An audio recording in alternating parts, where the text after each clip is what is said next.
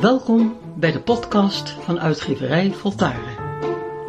Zometeen hoort u de schrijver Tije Twijnstra.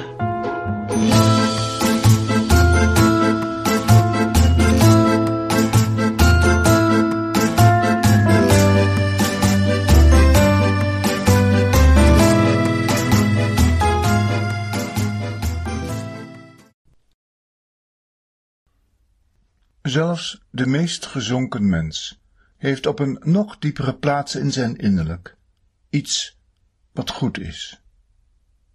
Laten we daarom langer zoeken, als we met een vreed, hebzuchtig, onverschillig en haatdragend iemand te maken hebben.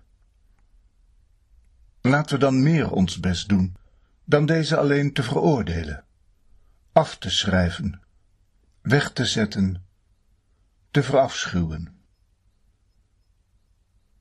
Het is gemakkelijk om van een goed mens te houden. Evenzo is het gemakkelijk een ander te veroordelen tot een slecht mens. Maar om van een goed mens te willen leren zelf verachtig te worden, maakt een andere liefde aan.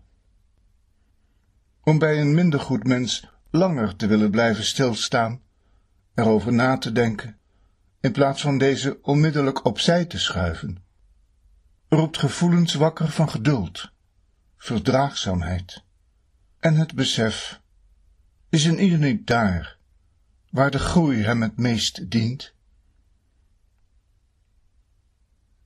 Als we de wereld willen verbeteren, mooier maken, echter en bereidvoller, zachter en ruimhartiger, dieper en vollediger. Dan zullen we al deze verlangens als eerste in onszelf moeten activeren. De ander speelt in dit proces een centrale rol. Immers, waar we aangeraakt worden door vriendelijkheid, wijsheid en mededogen, kunnen we in bewondering deze eigenschappen bij de ander laten, of in onderzoek deze in onszelf ontwikkelen en verder versterken. Er zijn genoeg mensen waarop we kritiek kunnen uiten. Velen waarvoor we terugdeinzen, omdat ze zo duister zijn, ondoorgrondelijk koud, een mens onterend in hun gedrag. Maar waar we terugschrikken, verliezen we aan kracht waar we in woede reageren, wordt onze scherpte vertroebeld. Waar we in strijd belanden, verlaten we onze eigen weg. Daarom, blijf zoeken in de diepte van jezelf naar ruimte om ruimte te geven, naar stilte, om commentaar tot zwijgen te brengen, naar besef van tot waar je zelf gekomen bent. Er is geen mens zonder groei. Er is geen groei of we zijn het. De grote reis. Uit de bundel, maar eerst zullen we kinderen zijn.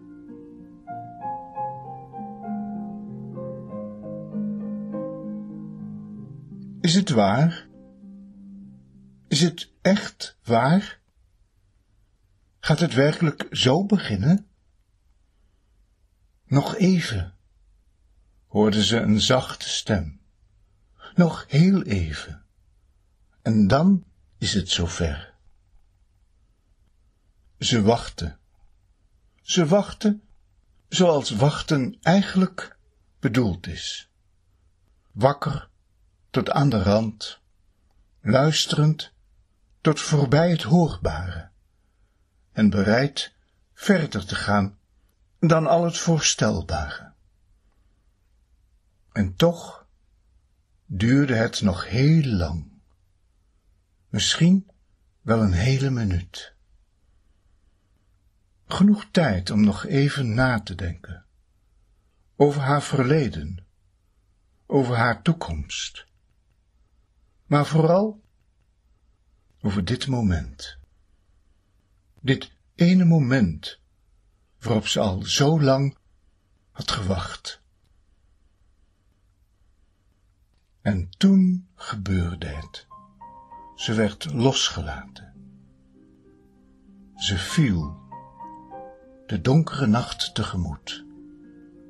Nog één keer keek ze omhoog. Dag, moeder. Ik ben gegaan. Het is begonnen. Vol verwachting keek ze naar beneden. Daar was nog niets te zien. Hoe zal het daar zijn? Wat zal ik zien? Wat zal ik voelen?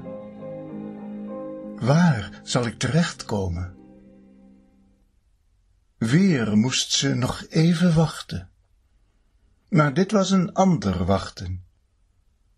Dit was het wachten terwijl je valt, of zweeft, of dwarrelt. Dit was het wonderwachten. Toen zag ze dat ze niet alleen was. Miljoenen anderen gingen met haar mee. Allemaal met dezelfde opdracht. Maak de wereld witter. Maak de mensen stiller. Geef de tijd weer aan zichzelf. Laat iedereen zien dat het nog steeds bestaat. De onschuld van het onaangeraakte. De volmaaktheid van de verandering. De onvervangbaarheid van het moment. Een windvlaag tilde haar op. Boven haar zag ze een zee van wolken, grijs en gevaarlijk. Naast haar zag ze een gordijn van golven, woest en wit. Onder haar zag ze een diepte zonder einde, zinderend en zwart. En toch was ze niet bang. Ja, heel even misschien. Om in het water te vallen. Of in het vuur. Toen zag ze de aarde. En de aarde zag haar. Ze wisten van elkaar. Daarna zag ze bergen en rivieren, lichten en steden, torens en vliegvelden, wegen en auto's, een weiland met een paard, heide, een stronk hout, een takje, een poot van een tor. Hier zou ze blijven liggen en wachten. Maar dit wachten vond ze het mooiste wachten. Want wat is er mooier dan wachten terwijl de wereld witter wordt? Dan wachten totdat de mensen zijn verstild. Dan wachten totdat de tijd is opgelost. De volgende dag was ze verdwenen.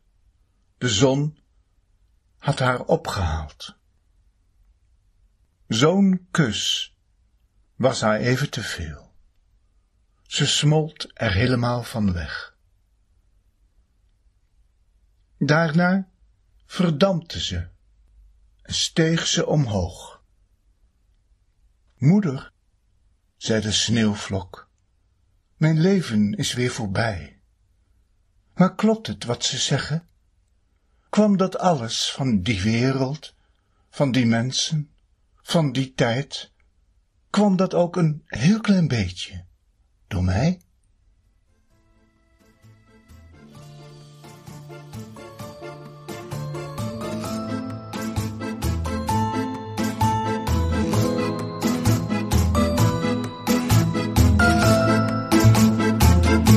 Ga je goed en al maar beter.